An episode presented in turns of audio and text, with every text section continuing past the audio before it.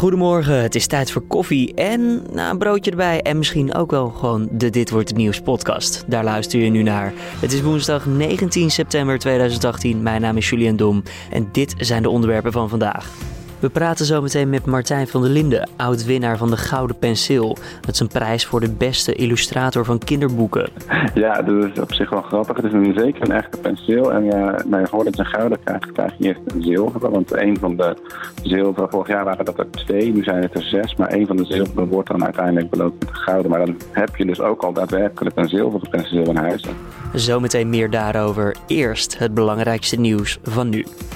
En het belangrijkste nieuws is niet zomaar een term, want Glennis Grace heeft zich laten horen in de finale van America's Got Talent. Ze zong het nummer Run van Snow Patrol.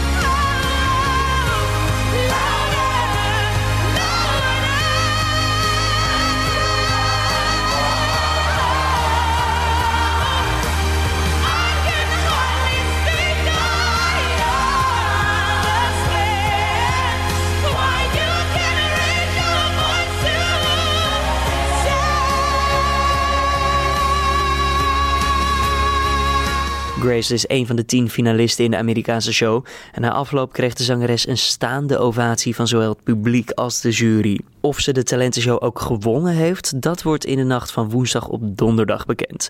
Dan moet ze ook nog een keer optreden en dan zal Grace een duet zingen met een bekende artiest. Volgens de geruchten, houden we er niet aan vast, zou het gaan om Bruno Mars.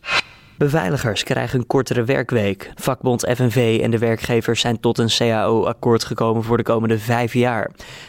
30.000 beveiligers vallen uiteindelijk onder de nieuwe regels. Ze werken onder meer voor Securitas, Trigion en G4S Nederland. Ook stijgen de lonen eind dit jaar al met 1,5 procent. Vanaf 2020 moet dat 2,5 procent per jaar zijn. Het boek van voormalig FBI-directeur James Comey wordt bewerkt tot een miniserie.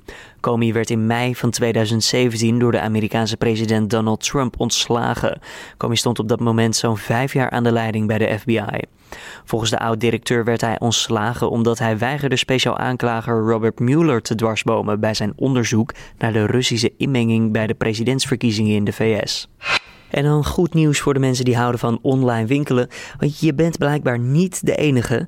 Nee, we winkelen in Nederland steeds vaker online. Zo'n 4 op de 5 Nederlanders heeft vorig jaar een product via het internet gekocht. En daarmee staan we in de Europese top. We moeten wel het Verenigd Koninkrijk, Zweden, Denemarken en Luxemburg voor ons laten. Wat we vooral kopen online, nou, dat is kleding. Maar in vergelijking met andere landen doen we ook heel veel boodschappen online. Dan gaan we naar het interview van vandaag in Dit wordt het nieuws.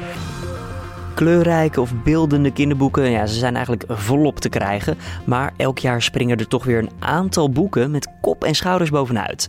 Het kinderboek met de mooiste illustraties wint vervolgens de Gouden Penseel. Over deze prijs praten we met de winnaar van vorig jaar, Martijn van der Linden.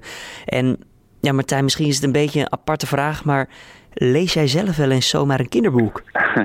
Ja, dat is een, meteen wel een goede vraag eigenlijk. Ik lees uiteraard heel veel kinderboeken, um, omdat ik zelf drie kinderen heb in allerlei leeftijden. Maar ook voor mijzelf. Er is uh, een schat aan, mooie dingen te ontdekken in de kinderboekenwereld als, als als illustrator.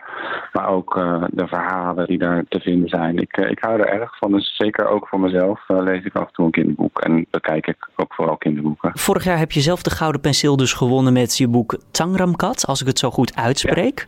Ja. Um, wat voor boek was dit? Dat is een, een boek wat ik samen met mijn vrouw Maran Krink heb gemaakt. Zij heeft het zelf geschreven en ik heb de tekeningen gemaakt en we hebben het hele concept samen bedacht. Het is een boek wat uh, uitgaat van een spel, het spel Tangram. Een uh, heel oud uh, Oosterspel van met zeven stukken. Je hebt een aantal driehoeken en een vierkant en een parallelogram. En daar kan je nou, eigenlijk alle vormen mee maken. Um, en, daar zijn we van uitgegaan en hebben we een heel verhaal omheen bedacht. En de, de beeldtaal in het boek, daar is Tangram. Dus alles wat je ziet is Tangram. Alles wat je in het boek ziet, kan je ook naleggen met de Tangramstukken. En helemaal achter in het boek zitten die zeven Tangramstukken er ook bij. Zodat je ook echt uh, zelf aan de slag kan. En dus de, um, de illustraties kan naleggen en zelf je eigen figuren kan bedenken. Als je dan als volwassen persoon zo'n boek maakt voor kinderen, is dat niet juist heel lastig? Want je moet jezelf natuurlijk verplaatsen in hoe een kind zo'n boek ja, uh, ja, gebruikt, ziet en beleeft. Ja, je hebt, je hebt allerlei soorten uh, kinderboeken. Je hebt kinderboeken die heel erg proberen uit te gaan van het kind in de belevingswereld en heel erg voor het kind een boek maken. En ehm, ja, ik, bij mij is het bijna meer andersom. Ik maak mijn werk wat ik zelf mooi vind en dat blijkt ook gewoon goed aan te sluiten bij kinderen. Dus natuurlijk ga je dan op een gegeven moment wel echt rekening houden met wat, wat, wat vinden ze leuk en mooi. Maar in eerste instantie wil ik het ook vooral zelf heel mooi vinden en zelf een uitdaging om het te maken. En ja, ik teken graag dieren en ik, ik heb ook een stijl die blijkbaar wel goed ligt um, kinderen. Dus op, op die manier. Maar het is niet zo dat mijn eerste uitgangspunt is van uh, wat vinden kinderen nou heel erg mooi en wat willen ze zien, dan ga ik dat maken. Dat niet. Dan eventjes over die gouden penseel, want uh, je hebt hem dus vorig jaar gewonnen. Mag je hem ook houden of is het een wisseltrofee?